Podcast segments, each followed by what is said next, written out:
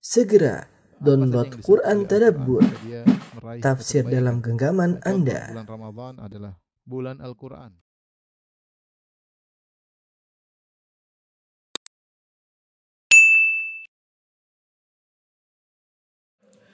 Bismillahirrahmanirrahim. Assalamualaikum warahmatullahi wabarakatuh. Alhamdulillahi ala ihsani wa syukru lahu ala taufiqihi wa amtinani wa asyhadu an la ilaha illallah wahdahu la syarika lahu ta'ziman li sya'ni wa asyhadu anna Muhammadan abduhu wa rasuluhu da'ila ridwani. Allahumma salli alaihi wa ala alihi wa ashabihi wa ikhwani. Uh, ikhwan dan akhwat, rekan-rekan di Malaysia dan juga para pemirsa yang dirahmati oleh Allah Subhanahu wa taala. Pada kesempatan yang bahagia ini kita akan bahas tentang topik yang penting bagi kita semua tentang bagaimana menghadapi fitnah akhir zaman. Ya, karena kita tahu kita berada di akhir zaman ya. Tentu akhir zaman e, bertingkat-tingkat semakin menuju kepada hari kiamat maka zaman semakin menuju pada akhirnya dan ujungnya. Tapi tidak ada yang ragu bahwasanya kita sekarang hidup di akhir zaman yang penuh dengan fitnah ya berbagai macam fitnah, baik fitnah syubhat maupun fitnah syahwat ya. Uh, penting bagi kita untuk mengenal apa saja model-model fitnah karena kita ingin selamat dari fitnah-fitnah tersebut. Yang penting bagi kita bagaimana kita bisa bertemu dengan Allah dengan selamat dari fitnah-fitnah tersebut. Entah kita berada di zaman mana pun. Ya. Penting bagi kita bagaimana kita bisa selamat dari fitnah-fitnah tersebut untuk bisa bertemu dengan Allah Subhanahu wa taala dengan kondisi yang terbaik. Kalau melihat kondisi zaman tentunya banyak sekali, terutama di zaman sekarang ini berbagai macam fitnah, berbagai macam modelnya. Ya. Yang meskipun demikian tetap kita tidak boleh mencela zaman ya yang kita cela adalah perbuatan-perbuatan manusia di zaman tersebut. Sebagaimana Imam Syafi'i rahimahullah pernah berkata, "Naibu zamanana wal aibu fina, wa ma li zamanina aibun siwana." Ya, sebagian kita mencela zaman ya padahal uh, aib yang ada pada zaman adalah kitanya yang mengisi zaman tersebut. Zaman hanyalah tempat bergulir berbagai macam kejadian. Wa ma li zamanina aibun siwana dan tidak ada aib pada zaman kecuali kita sendiri. Oleh karenanya Allah menegur ya orang yang atau Nabi SAW menegur orang yang mencela zaman kata Nabi SAW la tasubud dahra fa inna Allah huwa dahr. Janganlah kalian mencela zaman, mencela masa karena Allah adalah masa itu yuqallibul laila wan nahar. Allah yang membolak-balikkan siang dan malam, Allah yang perjalankan masa tersebut. Masa hanyalah tempat bergulir kejadian. Yang jadi masalah dalam masa tersebut ada kejadian fitnah-fitnah yang semakin mendekati penghujung umur dunia maka semakin berat fitnah-fitnah uh, tersebut. Sampai-sampai Nabi SAW menggambarkan tentang dahsyatnya fitnah-fitnah akhir zaman seperti Nabi SAW uh, bersabda, ya, badiru bil a'mali fitanan kakita al-lail muzlim. Yumsi yumsi ar-rajulu yusbihu rajulu mu'minan wa yumsi kafiran. Ya wa yumsi rajulu mu'minan wa yusbihu kafiran yabi'u dinahu bi'aradin minad dunya kata Nabi sallallahu alaihi wasallam hendaknya kalian banyak beramal soleh sebelum tiba fitnah-fitnah ya yang fitnah-fitnah tersebut kakita al-lail muzlim seperti potongan-potongan malam yang gelap gulita ya, Rasul menggambarkan akan datang fitnah-fitnah yang sangat gelap sehingga orang sulit untuk melihatnya. Seorang terjebak dalam fitnah tanpa dia sadari. Ya. Sampai-sampai begitu dahsyatnya fitnah tersebut dan bukan cuma sekedar gelap, tetapi sangat dahsyat sampai seorang bisa jadi di pagi hari beriman, kemudian yumsi yusbihu rajulu mu'minan wa yumsi kafiran. Seorang di pagi hari beriman, sorenya dia sudah kafir. Wa yumsi rajulu mu'minan wa yusbihu kafiran atau sore hari dia masih beriman, besoknya dia paginya dia sudah kafir begitu cepat. Ya dinahu bi aradi dunia. Dia menjual agamanya dengan sedikit perkara dunia. Artinya fitnah tersebut sangat dahsyat. Kita kalau baca hadis seperti ini sepertinya aneh ya. Kok bisa ada orang sore beriman besok sudah kafir, pagi beriman sore sudah kafir. Namun kalau kita melihat kondisi kita zaman sekarang di mana syubhat tersebar di medsos, di media sosial, sosial media dengan berbagai macam model syubhat, maka itu sangat wajar.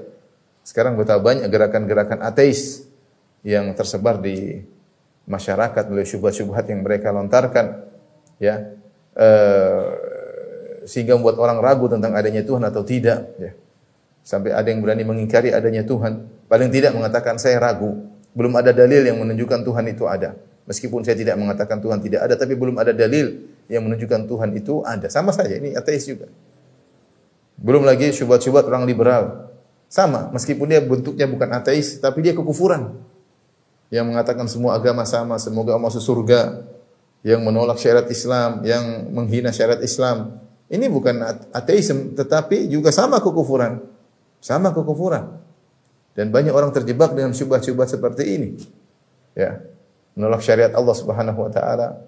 Maka ketika kita melihat kondisi kita sekarang, kita sangat wajar dengan hadis tersebut yang Rasulullah SAW menggambarkan bagaimana fitnah-fitnah akan datang seperti potongan-potongan gelap malam yang di mana seorang bisa saja di pagi hari beriman, sorenya kafir atau sore hari beriman, paginya bisa bisa kafir. Waliyadzubillah dan itu terjadi di zaman kita sekarang ini. Rasulullah SAW juga menggambarkan kata Nabi Shallallahu Alaihi Wasallam dalam satu uh, hadis kata Nabi sallallahu alaihi wasallam fa inna mi waraikum ayyam sabr ya. sungguhnya uh, setelah kalian nanti di belakang kalian ada namanya hari-hari kesabaran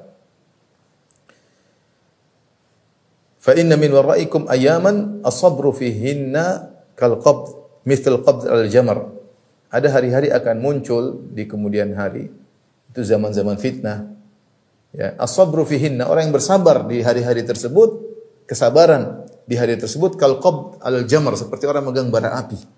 Berat. Kita siapa yang mau pegang barang api? Pegang bara api panas. Tapi kalau dia bisa pegang terus dia akan kuat ya. Tapi panas, sangat panas, sulit. Bagaimana orang pegang barang api tentunya dia akan kesulitan ya. Kita pegang api sedikit saja kita sudah kepanasan apalagi bara api yang menyala kemudian kita genggam. Seperti orang yang menggenggam ya bara ya lil amil fihinna mithlu ajri khamsina rajulan ya'maluna mithla amalikum orang yang beramal di hari-hari tersebut yang seperti memegang bara api akan mendapatkan pahala 50 orang yang beramal seperti kalian seperti para sahabat dalam riwayat maka dikatakan qila ya Rasulullah ajru khamsina minna aw minhum ya Rasulullah pahala 50 orang dari kami atau dari mereka? Kata Nabi sallallahu alaihi wasallam, "Bal ajru khamsina minkum." Itu pahala seperti 50 orang dari kalian. Menunjukkan hari-hari tersebut hari-hari yang sangat sulit, fitnah sangat luar biasa yang bisa istiqomah di zaman tersebut, dia akan mendapat pahala yang sangat besar. Cercaan, makian, hinaan, syahwat, syubhat, berbagai macam fitnah bercampur aduk di zaman tersebut. Sulit orang menjalankan agama. Rasulullah SAW telah bersabda, "Badal Islamu ghariban, fasayaudu ghariban kama bada'a." Islam datang dengan asing dan kembali pula dengan asing pula. Fatuba lil ghuraba, maka sungguh beruntung orang-orang yang asing. Sehingga Islam yang seharusnya kokoh dan kuat, orang yang mengerjakannya dianggap asing, dianggap aneh. Islam awal muncul di zaman Nabi SAW dianggap aneh. Kemudian jaya, kemudian akan datang hari-hari di mana di tengah kaum muslimin sendiri Islam itu dianggap aneh. Orang yang mengajak, mengerjakan Islam, menjalankan sunnah-sunnah Nabi SAW dianggap asing, dianggap aneh. Rasul, para sahabat bertanya, ya Rasulullah, manil guraba? Wahai Rasulullah, siapa orang-orang asing tersebut? Qala alladzina yuslihuna idza fasadan nas. Orang-orang yang mengadakan perbaikan tatkala masyarakat sedang rusak. Mereka beramar ma'ruf, mereka bernahi mungkar, mereka mengingatkan, mereka menegur meskipun mereka dianggap aneh. Itulah al-ghuraba, orang-orang yang beruntung. Tuba lahum, maka sungguh beruntung mereka. Rasulullah SAW juga menggambarkan tentang dahsyatnya fitnah di akhir zaman. Kata Nabi SAW, Sayati ala nasi sanawatun khadda'atun. Akan datang pada manusia tahun-tahun yang menipu. Tahun-tahun yang situ penuh dengan penipuan. Yusaddaqu fiha al-kadhib. Pada tahun-tahun tersebut, pendusta akan dibenarkan. Wa yukadzabu fiha sadiq yang tukang dusta dibenarkan oleh masyarakat. Pendusta dibenarkan, diulu-ulukan oleh masyarakat. Wa fiha shadiq, orang yang jujur malah didustakan oleh masyarakat. Kondisi sangat mengerikan. Wa yu'tamanu fiha al-kha'in, orang yang pengkhianat malah diberi amanah. Wa yukhawwanu fiha al-amin, orang yang jujur malah dianggap pengkhianat. Wa fiha ruwaibidah. Dan pada tahun-tahun yang penuh dengan tipuan tersebut akan ada ruwaibidah yang berbicara. Ruwaibidah. Maka para sahabat bertanya, Qila wa marwabidah ya Rasulullah. Siapa yang dimaksud dengan ruwaibidah yang berbicara di zaman-zaman tersebut? Kata Nabi SAW, Ar-rajulut tafih yatakallamu fi amril amah. Seorang yang bodoh yang berbicara tentang urusan keumuman masyarakat. Bicara ada sedikit kejadian kemudian respon luar biasa bicara tentang agama, ada masalah kemudian padahal masalah berkaitan dengan masyarakat secara umum. Ya. Inilah jadi problem kita di masyarakat. Orang jahil dianggap sebagai ulama. Di, diberi kesempatan untuk berbicara. Kalau dia berbicara banyak yang dengar, followersnya banyak, pengikutnya banyak. Ruwai bidah. Bicara tentang urusan akidah, bicara tentang urusan darah, bicara tentang urusan kaum muslimin, tidak punya ilmu. Berbicara dengan ngawur. Itulah zaman-zaman banyak dengan tipuan-tipuan yang Rasulullah SAW kabarkan ini sebagai gambaran dari akhir zaman. Sampai-sampai Rasulullah SAW mengatakan dalam Sahih Bukhari, yushiku an yakuna khairu an yakuna khairu malil rajul malil muslim yushiku an yakuna khairu malil muslim ghanamun yatba'u biha sya'far jibal wa mawaqi'atal qatar yafirru bidinihi minal fitan. Kata Nabi SAW, hampir-hampir harta terbaik seseorang adalah kambing-kambing. Ya. Yang dia bawa kambing-kambing tersebut ke puncak-puncak gunung. Kemudian dia bawa kambing-kambing tersebut ke arah tempat turunnya hujan. Ya, dia dia melihara kambing, dia mengembalakan kambing. Buat apa? Ya firru bidinihi minal fitnah. Dia lari menyelamatkan agamanya dari fitnah. Sampai Rasulullah SAW kabarkan demikian. Bisa jadi itulah yang terbaik daripada ngurusin terjebak dengan fitnah. Mending kamu punya kambing, kamu bawa pergi ke puncak gunung, kamu bawa ke lembah-lembah, cari rumput buat gunung buat kambing-kambing tersebut. Dengan begitu kau menyelamatkan agama. Nah kita tidak tahu apa kita sudah sampai pada zaman tersebut. Tetapi sebagian ciri-ciri yang Nabi sebutkan sudah kita rasakan. Ya. Karenanya, ikhwan akhwat yang dirahmati Allah Subhanahu wa taala, uh, saya katakan tadi kita tidak tahu kita di akhir zaman yang mana. Kita sepakat semua akhir zaman. Tapi apakah sudah sampai benar-benar puncak akhir zaman menuju penghujung dunia atau ke akhir zaman yang mana? Namun yang penting bagi kita bagaimana bisa selamat dari fitnah-fitnah itu semua. Taib kita bahas tentang fitnah uh, akhir zaman ya. Uh, fitnah secara bahasa disebutkan oleh para ulama banyak di antaranya oleh Raghib Al-Asfahani. Namun di antara makna makna fitnah dalam bahasa ya e, bisa artinya ya ini fitnah secara bahasa. Fil bisa maknanya macam-macam ya. Di antaranya misalnya artinya adalah ujian ya. Kemudian di antara maknanya adalah e, membakar ya. Uh, ada yang mengatakan uh, misalnya syirik ya. Kemudian di antara makna fitnah adalah kondisi yang tidak stabil. Ittirabul ahwal. Tentu ada makna-makna yang lain mengatakan artinya azab dan yang lainnya. Tapi ini secara fitnah, eh, secara bahasa fitnah, contoh ujian seperti firman Allah Subhanahu wa taala, kepada Nabi Musa wa fatannaka futuna dan kami uji engkau dengan fitnah-fitnah yaitu ikhtibar uji kau dengan ujian-ujian ini banyak fitnah artinya ikhtibar ujian banyak ya wa fatannaka futuna demikian juga uh, kata Allah Subhanahu wa taala Alif lam mim ahasiban nasu ayyutraku ayyakulu amanna wa hum la yuftanun Apakah manusia dibiarkan mengucapkan kami telah beriman mereka belum diuji Walaqad fatanna alladziina min qablihim. Sungguh kami telah menguji orang-orang sebelum uh, mereka. Fala ya'lamanna Allahu alladziina shadaqu wa la ya'lamanna al-kadzibin. Agar Allah benar-benar tahu mana di antara mereka yang imannya benar dan mana di antara mereka imannya tidak tidak benar, ya. Uh, demikian juga misalnya uh, firman Allah Subhanahu wa taala, "Wa nabluukum bisyarri wal khairi fitnah wa ilaina turja'un." kullu nafsin dha'iqatul maut, setiap jiwa akan merasa kematian dan kami wa nabluukum bisyarri wal khairi fitnah dan kami akan menguji uh, kalian dengan keburukan maupun dengan kebaikan sebagai fitnah sebagai ujian. Ini makna fitnah. Terkadang maknanya ujian dalam dalil-dalil. Uh, kemudian juga maknanya terkadang artinya membakar seperti uh, kata Allah Subhanahu wa taala atau maknanya azab ya. Zuku fitnatakum. Rasakanlah fitnah kalian yaitu azab yang menimpa kalian atau seperti firman Allah Subhanahu wa taala yaumahum 'alan nari yuftanun hari di mana mereka dibakar di dalam api neraka. Ya. Uh, seperti firman Allah Subhanahu wa taala innal ladzina fatanul mu'minina wal mu'minati tsumma lam yatubu. Dalam surat al-buruj. Innal ladzina fatanul mu'minina wal innal ladzina fatanul mu'minina wal mu'minati. Sungguhnya orang-orang yang membakar fatanu yaitu memfitnah orang-orang beriman laki maupun perempuan yaitu dengan membakar mereka. Sebagaimana kisah Ashabul Ukhdud yang di mana raja yang zalim kemudian membakar ribuan lelaki mukmin dan ribuan wanita mukminah. Innal ladzina fatanul minal mu'minati tsumma lam yatubu falahum adzabu jahannam wa lahum adzabul hariq. Sini fitnah artinya membakar. Dan inilah yang disebut dengan fatantu adz-dzahaba. Aku memfitnah emas secara bahasa maksudnya emas dimasukkan ke dalam api untuk dihilangkan kotoran-kotoran dari emas tersebut.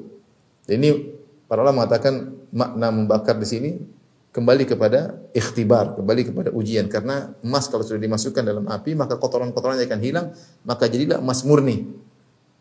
Ini artinya membakar tapi bisa diartikan kepada ujian. Dengan ujian tersebut akan terlihat mana yang emasnya benar, yang bersih dan mana yang kotor. Mana yang imannya benar, mana imannya yang tidak benar. Kemudian fitnah juga bisa artinya syirik seperti uh, wal fitnatu asyaddu minal qatl. Sebagian salah menafsirkan fitnah lebih besar daripada pembunuhan. Mereka artikan fitnah tersebut adalah syirik seperti firman Allah juga falyahdharil ladzina yukhalifuna an amrihi an tusibahum fitnah aw yusibahum adzabun alim. Hendaknya orang-orang yang menyelisihi perintah Nabi wasallam waspada Jangan sampai mereka ditimpa dengan fitnah, itu ditimpa dengan syirik atau kekufuran. Au yusibahum adabun adim atau mereka akan ditimpa dengan adab yang pedih. Itu orang yang suka mengingkari atau menyelisih sunnah-sunnah Nabi, perintah Nabi, bisa jadi mereka terjerumus dalam kekufuran, bisa jadi mereka terjerumus dalam kesyirikan. Allah mengatakan antusibahum fitnah. Bisa jadi mereka ditimpa dengan fitnah. Fitnah di situ artinya adalah kesyirikan. Atau fitnah artinya kondisi tidak stabil. Seperti tadi yang kita sebutkan dalam hadis-hadis kondisi yang tidak stabil. Ya, hari-hari di mana yang berdusta dibenarkan, yang jujur disalahkan, yang berbicara kondisi tidak stabil. Dalam Sahih Muslim kata Nabi sallallahu alaihi wasallam, "Fataji'u fitanun faturaqqiqu fayuraqqiqu ba'daha ba'dhan." Akan datang fitan-fitan, fitnah-fitnah yang di mana jika sudah datang fitnah, maka sebagian akan meringankan sebagian fitnah yang lain. Wa yaji'u fitanun fayaqulul mu'min hadhihi muhlikati Thumma tankashif. Kemudian datang fitnah-fitnah kondisi yang mengerikan. Seorang mukmin berkata, saya akan binasa kali ini. Namun ternyata fitnah tersebut diangkat. Kemudian datang lagi fitnah-fitnah. Maka sang mukmin berkata, hadi-hadi, saya akan binasa kali ini. Itu kondisi yang tidak stabil. Ya, orang bingung melihat kondisi tersebut. Ya, ini semua makna uh, saling mendukung. Ya, itu adalah fitnah secara bahasa. Tapi fitnah uh, secara istilah atau model-model fitnah.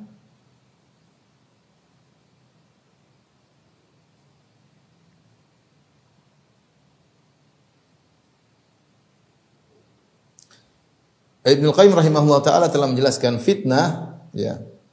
Secara istilah maka terbagi menjadi dua. Kita bisa klasifikasikan menjadi dua ya. Uh, pertama adalah fitnah syahwat fitnah-fitnah syahwat kemudian fitnah-fitnah syubhat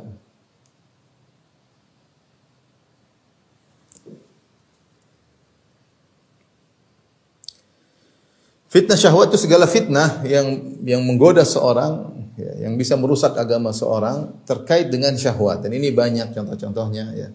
Seperti misalnya fitnah wanita, ya, wanita. Kemudian contohnya lagi misalnya fitnah harta. Ini berkaitan dengan syahwat seorang sehingga bisa merubah agamanya. Bahkan fitnah eh, anak-anak ya. Eh, anak-anak kemudian juga apa namanya keluarga istri misalnya. Kemudian juga di antaranya kezaliman ya. Kemudian juga fitnah jabatan. Ini adalah fitnah-fitnah yang terkait dengan syahwat. Insya Allah kita akan jelaskan setelah ini. Adapun fitnah-fitnah terkait dengan syubhat misalnya ya eh, banyak ya syubhat-syubhat kesyirikan.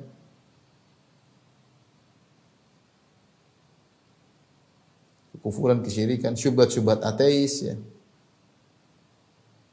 Banyak ya. Syubhat-syubhat liberal, liberalis, pluralis, demikian juga eh, apa namanya almaniyah ya, sekularis, ya, ini semua mereka punya syubhat, syubhat-syubhat bid'ah,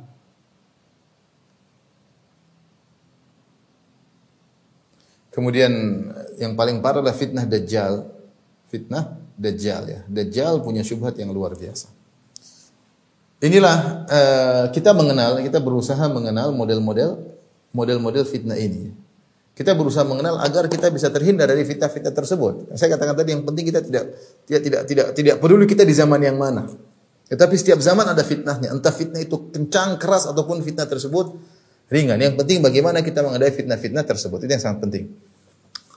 Apalagi dengan didukung adanya media sosial ini semua fitnah lengkap ya. Ada sarananya adalah media sosial. Dan corong fitnah selalu kita bawa di mana? Di HP ya. HP, gadget, laptop semua adalah sumber fitnah.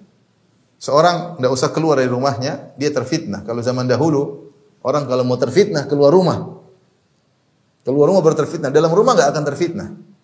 Karena tidak ada yang dia lihat. Sudah dalam rumah dia selamat.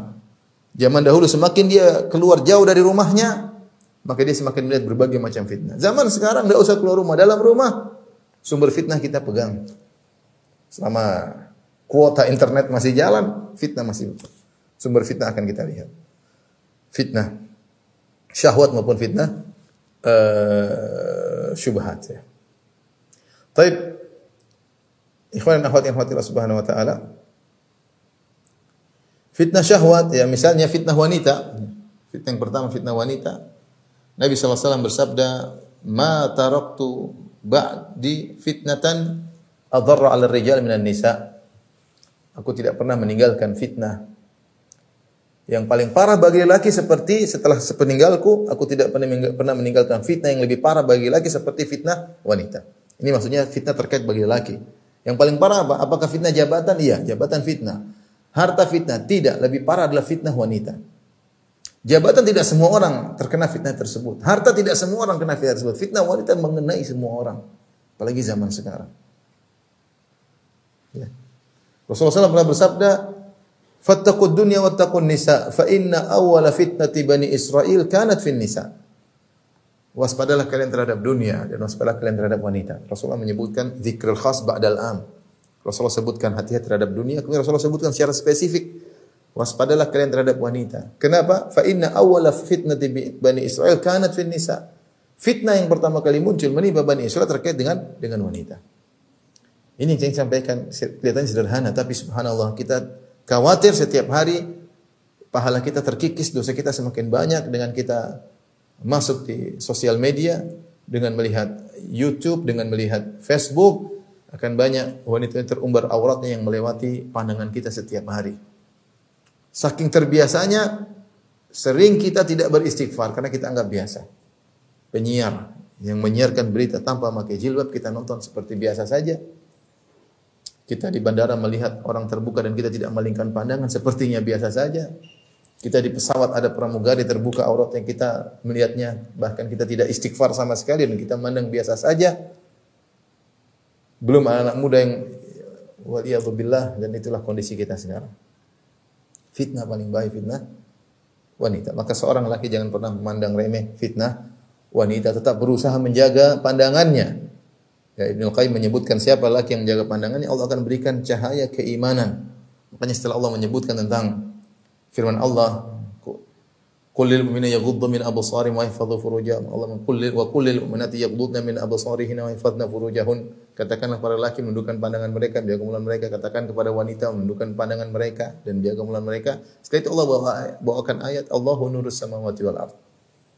Dalam surat An-Nur. Allah cahaya langit dan bumi.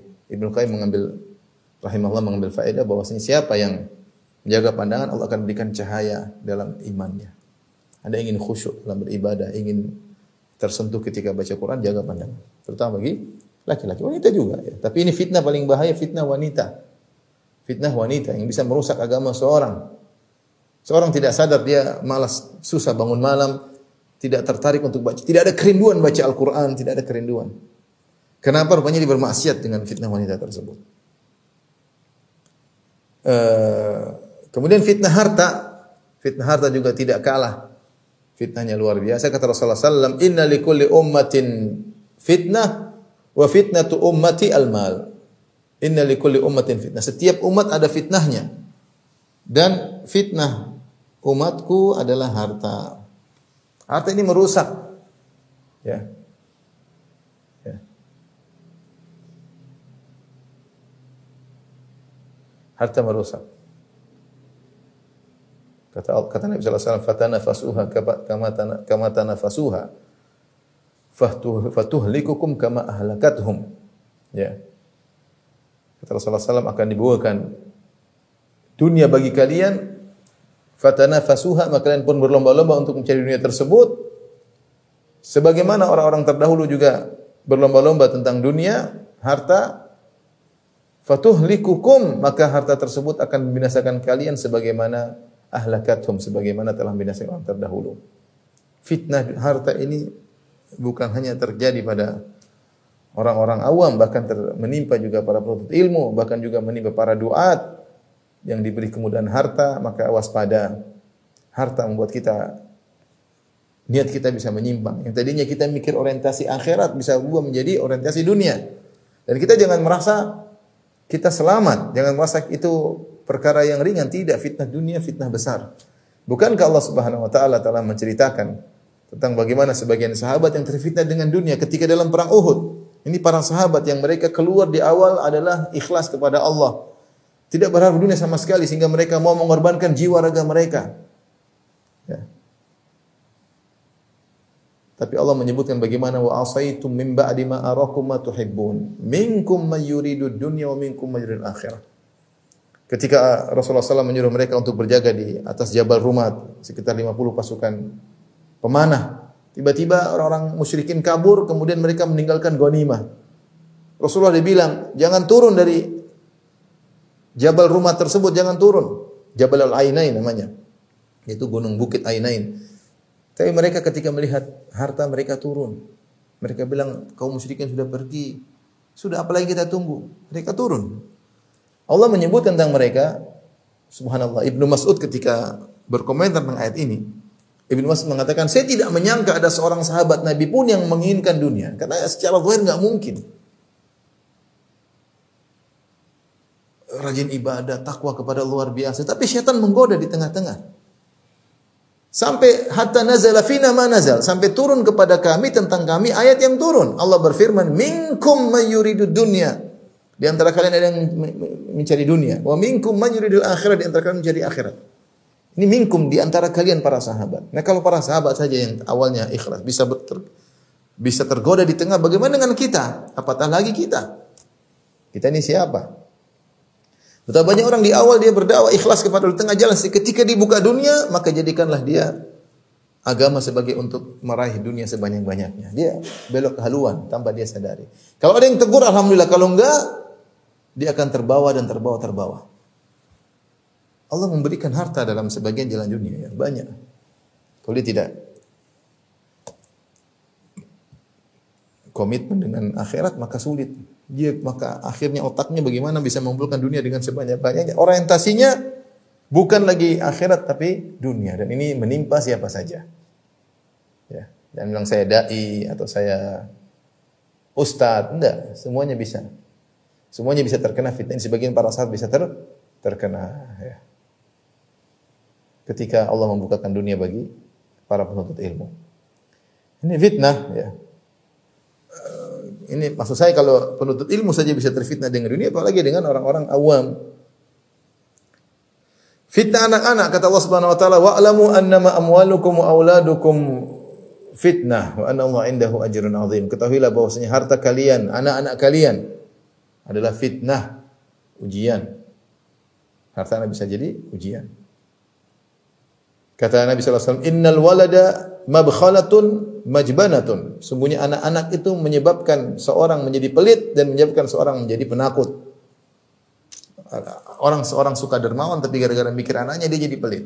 Fitnah, dia terfitnah.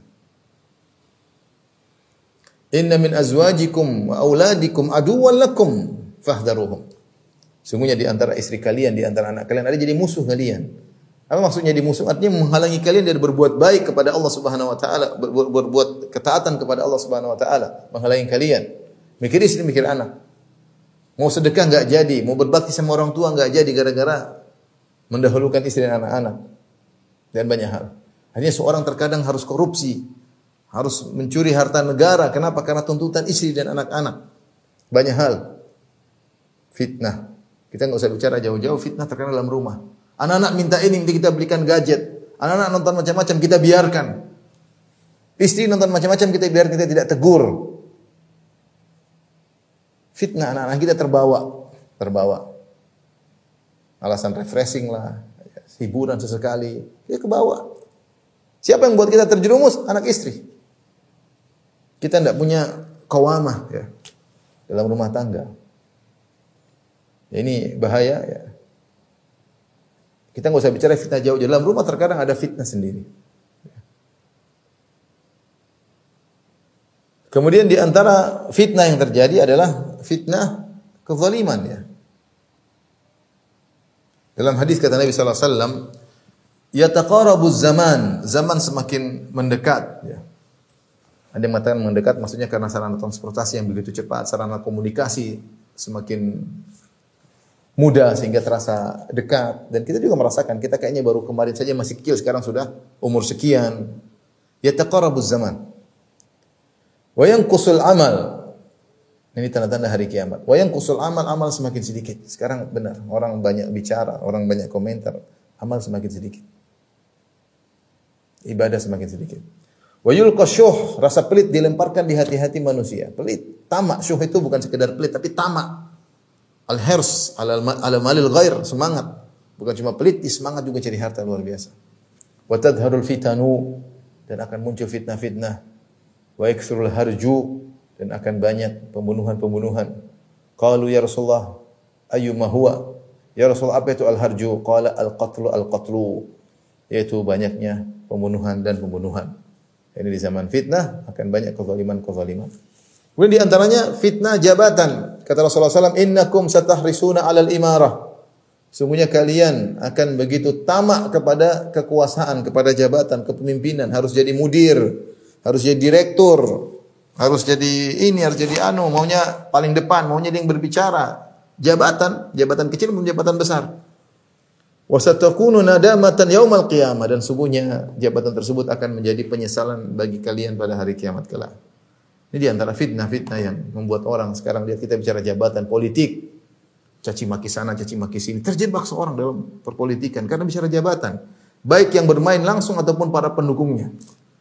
Lihat bagaimana kalau sudah musim politik, satu sana maki sini mengungkap aib orang lain, gibah namimah semua jadi halal.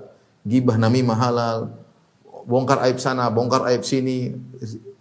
Kemudian klip-klip masa lalu, video pernyataan Rasul diungkap kembali untuk menjatuhkan subhanallah. Tatabbu'ul akhta, mencari-cari kesalahan tajassus semua dilakukan. Tim ini, tim ini. Belum gelaran-gelaran, semua dilakukan semua halal demi untuk jabatan. Perkara dunia yang kemudian hilang. Nanti lima tahun lagi berulang lagi, lima tahun lagi berulang lagi. Waliyahzubillah. Fitnah jabatan. Kalau saya bilang seperti apa ya? Seperti kereta yang berjalan, banyak orang yang terbawa, banyak orang tergilas fitnah tersebut. Banyak. Mungkin jutaan manusia terjebak dalam fitnah tersebut. Menghalalkan segala macam cara demi menggolkan siapa yang dia dukung. Hati-hati. Ini fitnah yang terjadi. Ini sebagian contoh saja fitnah-fitnah terkait syahwat, syahwat jabatan, syahwat wanita, syahwat menggolimi orang dan macam-macamnya. Tapi eh, kita bicara tentang eh, akhirnya banyak orang-orang yang kemudian masuk dalam jabatan-jabatan yang bukan ahlinya. Sallallahu bersabda, "Idza wusidal amru ila ghairi ahli fantaris fantadris Jika telah perkara diserahkan kepada bukan ahlinya, maka tunggulah hari kiamat ya. Ini ini orang ini ya begitulah kondisi sekarang. Oleh karenanya seorang bertakwa kepada Allah jangan sampai terjebak dengan fitnah-fitnah tersebut. Hidup cuma sekali, waktu berjalan. Umur jangan kita buang-buang untuk tenggelam dalam fitnah yang tidak ada manfaatnya, bahkan balik membawa kemudaratan bagi kita. Tapi adapun fitnah syubhat maka banyak sekali di zaman sosial media sekarang syubhat kesyirikan banyak orang-orang menyuruh kepada kesyirikan membolehkan minta kepada mayat-mayat meminta meminta istighatsah kepada wali ruh-ruh para wali dengan berbagai macam dalih ya entah dalih eh, bahwasanya mereka adalah eh, orang-orang uh, yang dekat dengan Allah Subhanahu wa taala kalau minta kepada Allah harus beradab lewat orang-orang dekatnya Allah Subhanahu wa taala seperti raja, raja kalau diminta maka tidak bisa langsung, harus lewat menteri-menteri. Subhanallah, mereka samakan dengan raja dengan Allah Subhanahu wa taala. Yang Allah mengatakan, "Wa idza sa'alaka ibadi anni fa inni qarib." Jika mereka bertanya kepada engkau tentang aku, katakanlah aku dekat, ujibu da'watad da'i idza da'an. Aku mengabulkan doa orang yang minta kepada aku. Tidak perlu lewat sana, lewat kiri langsung. Saya punya teman orang awam, dia cerita, dia punya teman sekantor. Kalau sudah sampai meliburkan diri, kenapa? Ingin ada hajat, dia pun harus bersafar, liburkan diri, kemudian pergi ke kuburan fulan, kemudian minta di sana, kuburan wali fulan minta ke sana. Teman saya heran, dia orang dulu orang ngaji. Dia bilang, saya heran, kenapa kau harus cuti, harus liburkan diri di pekerjaan, kemudian harus pergi jauh. Udah kamu bangun malam sholat apa susahnya? Sederhana. Fitrah dia. Ya sudah tinggal bangun malam salat nangis minta kepada Allah. Fa inni qarib sungguhnya aku dekat. Jangan disangka Tuhan seperti Allah yang turun ke langit dunia. Yanzilu rabbuna tabaraka wa ta'ala hina yabqa thulutsal akhir min al Allah turun ke langit dunia Allah berkata hal min mustaghfirin fa aghfir Allah cari hamba-hambanya. Bukan orang yang kemudian lewat walinya lewat sana. Enggak Allah cari hamba-hambanya. Hal min mustaghfirin Allah apakah ada yang minta ampun akan aku ampuni? Hal min da'in. Apakah ada yang berdoa kepadaku? Fastajibalah akan aku kabulkan doanya. Hal min sa'il fa'utiya su'lah. Adakah yang minta akan aku kabulkan permintaannya. Terus belok kanan belok kiri harus safar ke sana harus safar ke sini. Menggambarkan seakan-akan Tuhan kita tidak mau mengabulkan doa. Syubhat. Ada orang minta-minta kepada penghuni kubur. Kesyirikan ada syubhatnya kesyirikan tapi berdalil dengan syubhat, terargumentasi. Belum kita bicara syubhat-syubhat ateis yang ditebarkan oleh orang ateis dengan dalil macam-macam lah bicara saya sudah bahas secara khusus dalam tauhid rububiyah tentang syubhat-syubhat ateis dan ada bantahan-bantahannya tapi syubhatnya ada terstruktur dan bisa dikonsumsi oleh siapa saja sekarang anak muda anak SMP saya baca baca tertarik langsung ragu dengan Tuhan kalau tidak ada yang menolong, kalau Allah tidak memberi hidayah, langsung ragu tentang Tuhan. Ini terjadi zaman sekarang. Subhanallah kapan bulan Ramadan saya ketemu suami istri datang Ustaz tolong saat anak saya hari tahun ini memproklamirkan dia tidak mau puasa lagi. Ajib saya bilang kenapa? Dia tidak percaya dengan Tuhan. Salah pergaulan, salah baca di sosial media. Belum syubhat-syubhatnya liberal, syubhat lebih terus terus lagi. Ya. Sebagaimana kita bahas tiap pekan tentang syubhat-syubhat liberal dan liberalis, pluralis. Syubhat-syubhat bid'ah dan yang paling parah lah dajjal yang sangat besar syubhatnya yang akan datang di akhir zaman. Ya, makanya Rasulullah SAW mengatakan, "Man sami abid dajjal falyan'a minhu." Siapa yang mendengar tentang dajjal, maka hendaknya dia menjauh dari dajjal. Jangan dekat-dekat. Ya. Jangan dekat-dekat. Ada orang yang merasa hebat, ketemu Dajjal jadi pengikut. Sangat mungkin. Bagaimana tidak jadi pengikut Dajjal sementara begitu sakti Dajjal luar biasa bisa tumbuhan eh, tanah yang tandus bisa tumbuh tumbuhan, langit yang kering bisa turun hujan luar biasa. Orang yang mati bisa dihidupkan secara zahir. Orang melihat seakan-akan dia menghidupkan orang mati. Ya, dianggap Tuhan. Sebagai tidak bertemu dengan fitnah, fitnah dajjal. Inilah uh, ikhwan dan akhwat yang Allah Subhanahu wa taala macam-macam fitnah. Uh, yang kita bahas sekarang tentu model fitnah banyak. Ini sekedar gambaran besar tentang fitnah-fitnah. Tapi yang kita ingin bahas sekarang bagaimana menghadapi fitnah tersebut, cara menghadapi fitnah tersebut.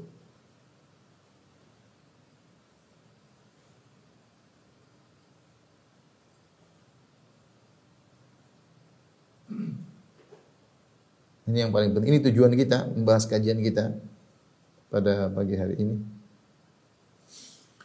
Uh, tentu yang pertama adalah berdoa. Tidak ada yang bisa menyelamatkan kita kecuali Allah Subhanahu wa taala. Berdoa. Nabi sallallahu alaihi wasallam uh, bersabda, "Ta'awwadhu billahi minal fitan ma dhahara minha wa ma batan." Berlindunglah kalian kepada Allah dari fitnah yang nampak maupun tersembunyi. Maka kita berdoa, Allahumma inna na'udzubika minal fitani ma dhahara minha wa batan. Berdoa, ya Allah, Allahumma inna na'udzubika minal fitan ma dhahara minha wa batan. Ya Allah, aku berlindung kepada Engkau dari fitnah yang nampak maupun tersembunyi. Subhanallah. Fitnah ada yang nampak depan, ada yang tersembunyi. Kita tidak sadar ternyata fitnah. Halus. Seperti kakito al-lail muzlim. Seperti potongan gelap malam yang sangat hitam. Pekat. Kita terbawa dalam fitnah tersebut tanpa kita sadari. Serius ketika kita berdoa, di sebelum tasyahud kita berlindung dari empat perkara. Allahumma inna a'udzubika min adzabil qabr wa a'udzubika min fitnatil masih dajjal. Ya, aku berlindung kepada Engkau dari fitnah dajjal. Wa a'udzubika min fitnatil mahya dan aku berlindung kepada Engkau dari fitnah kehidupan. Wa fitnatil mamat dan aku berlindung kepada Engkau dari fitnah kematian. Seorang berlindung. Ya. Fitnah kehidupan begitu banyak. Fitnah kematian di antaranya kata ulama yaitu fitnah ketika seorang akan meninggal datang syaitan menggoda. Di antara doa Nabi sallallahu alaihi wasallam ya. A'udzubika an yatakhabbatani syaitan indal maut. Ya Allah, aku berlindung kepada Engkau dari gangguan syaitan ketika aku akan meninggal dunia. Itu di antara fitnah kematian. Ada yang mengatakan fitnah kematian setelah itu di alam barzah. Tapi intinya kita berlindung kepada fitnah. Kita berdoa benar-benar berlindung kepada fitnah. Ya. Dalam doa juga Nabi sallallahu alaihi wasallam, "Wa idza aradta bi ibadika fitnatan faqbidni minha ghairu maftun."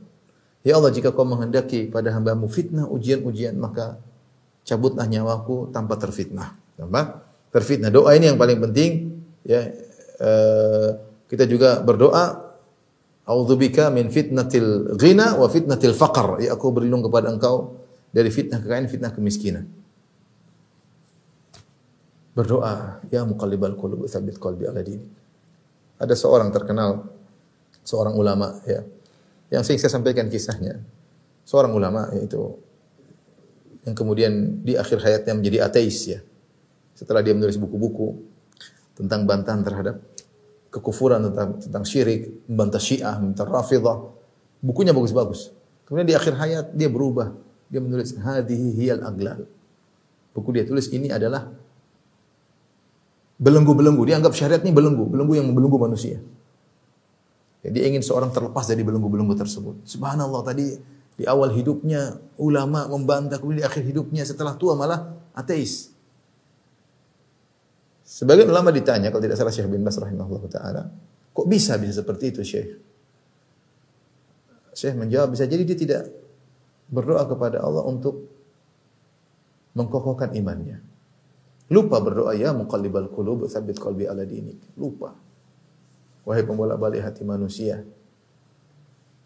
kokohkan hatiku di atas agamamu. Kita ini di depan kita fitnah banyak sekali. Satu cuplikan bisa membuat kita terkena cubhat.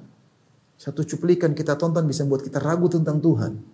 Satu cuplikan nonton kita bisa tertarik dengan yang haram. Jadi hobi nonton ini, hobi nonton anu, bisa. Satu cuplikan kita dengar, klip kita bisa tertarik, hati kita berubah. Banyak sekali hal yang bisa merubah kita. Tawaran Jabatan bisa membuat kita berubah agama kita. Berlindung kepada Allah. Ya muqallibal qulub tsabbit qalbi ala Ini yang pertama yang paling penting adalah berlindung. Yang kedua, berdoa kepada Allah Subhanahu wa taala agar dilindungi dari fitnah.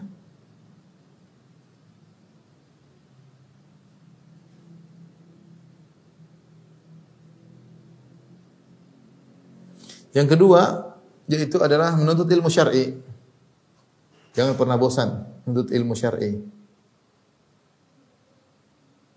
Tentu berusaha agar kita tersibukkan dengan ilmu syar'i, belajar bertahap. Al-waqtu kas-sayf illam taqta'uhu qata'at. Waktu itu seperti pedang, jika kau tidak patahkan pedang tersebut kau akan dipatahkan oleh pedang.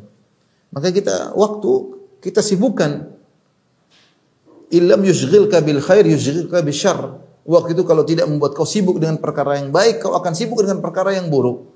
Maka sibukkan diri kita dengan hal-hal yang bermanfaat. Yang itu ilmu, sibuk, sibuk bahas ini, sibuk bahas ini, apa hukum ini. Tidak apa-apa. Kita cari dunia, kemudian sibuk, sibuk di antara kesibukan yang buat kita bermanfaat, sibuk dan untuk ilmu, belajar. Belajar nahu kah, belajar sorof kah, belajar fikih kah, belajar akidah kah, belajar adab, belajar pokoknya ilmu syar'i. Kemudian yang ketiga, banyak beramal soleh. Tapi jangan ujub.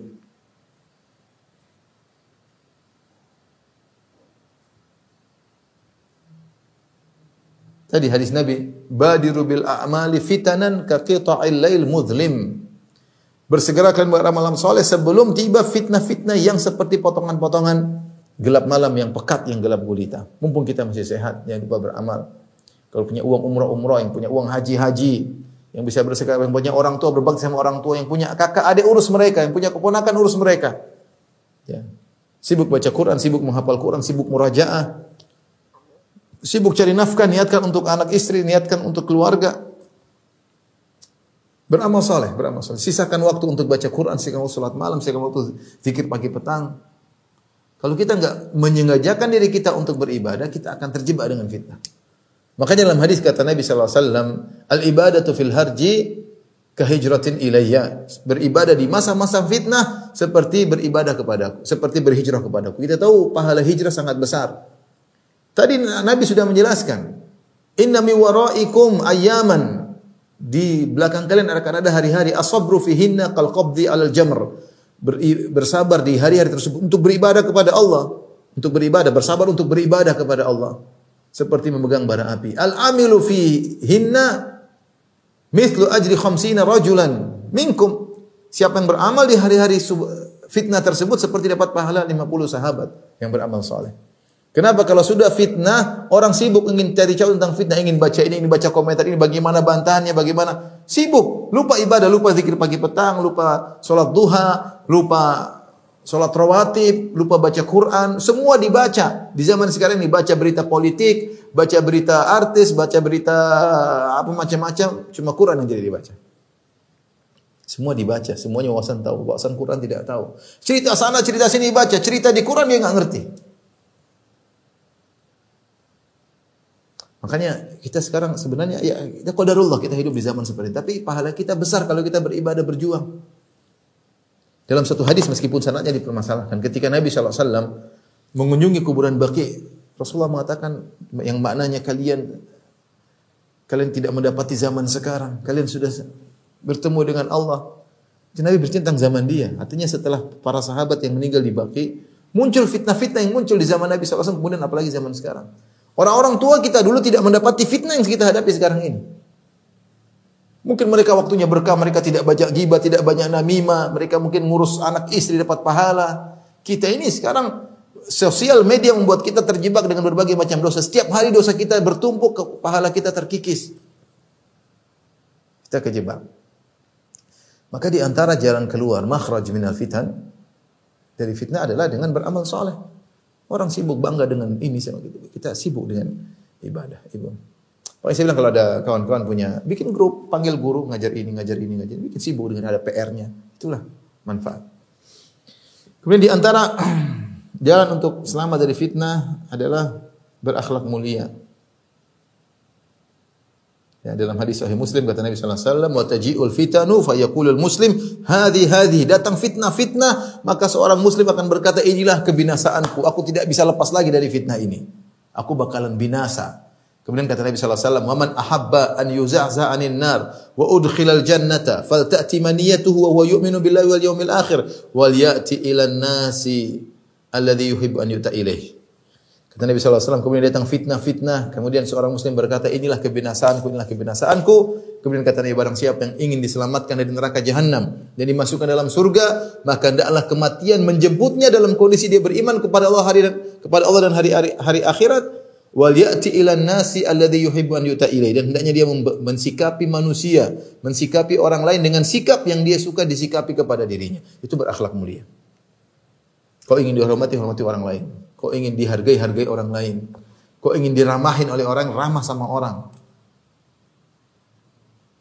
Seperti itu. Ini di antara cara keluar dari fitnah. Karena zaman fitnah orang banyak cepat marah, orang banyak cepat ngamuk, suudzon, macam-macam enggak. Hadapi fitnah dengan akhlak yang eh, yang mulia. Kemudian sabar dan takwa ini jelas ya. Sabar. Banyak salat. Kata Allah Subhanahu wa taala, "In tasbiru wa tattaqu la yadhurrukum la yadhurrukum kaiduhum syai'a." La yadhurrukum kaiduhum syai'a. Kalau kalian wa in tasbiru wa tattaqu, kalian beriman, bertakwa, bersabar, maka tipuan mereka tidak akan mencelakakan kalian. Allah berfirman, "Wasta'inu bis sabri was salat." Jangan lupa sabar dan seperti salat. Yang mungkin yang terakhir yang saya sampaikan ya adalah menjauhi ini yang paling mungkin orang tidak mau menjauhi uh, areal fitnah. Ya. Kata Nabi sallallahu alaihi wasallam, "As-sa'i- as-sa'idu liman junnibal laman junnibal fitan. Inna sa'ida laman junnibal fitan." Sungguhnya orang yang bahagia adalah orang yang dijauhkan dari fitnah. Inna sa'ida liman junnibal fitan.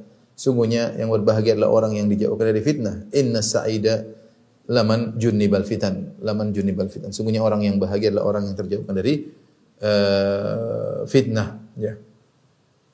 Rasulullah SAW bersabda dalam hadisnya, ya, Satakunu fitanun akan muncul fitnah-fitnah. Al-qaidu fiha khairun minal qaim. Yang berduduk lebih baik daripada yang berbic yang berdiri terkait di fitnah tersebut. Wal qaimu fiha khairun minal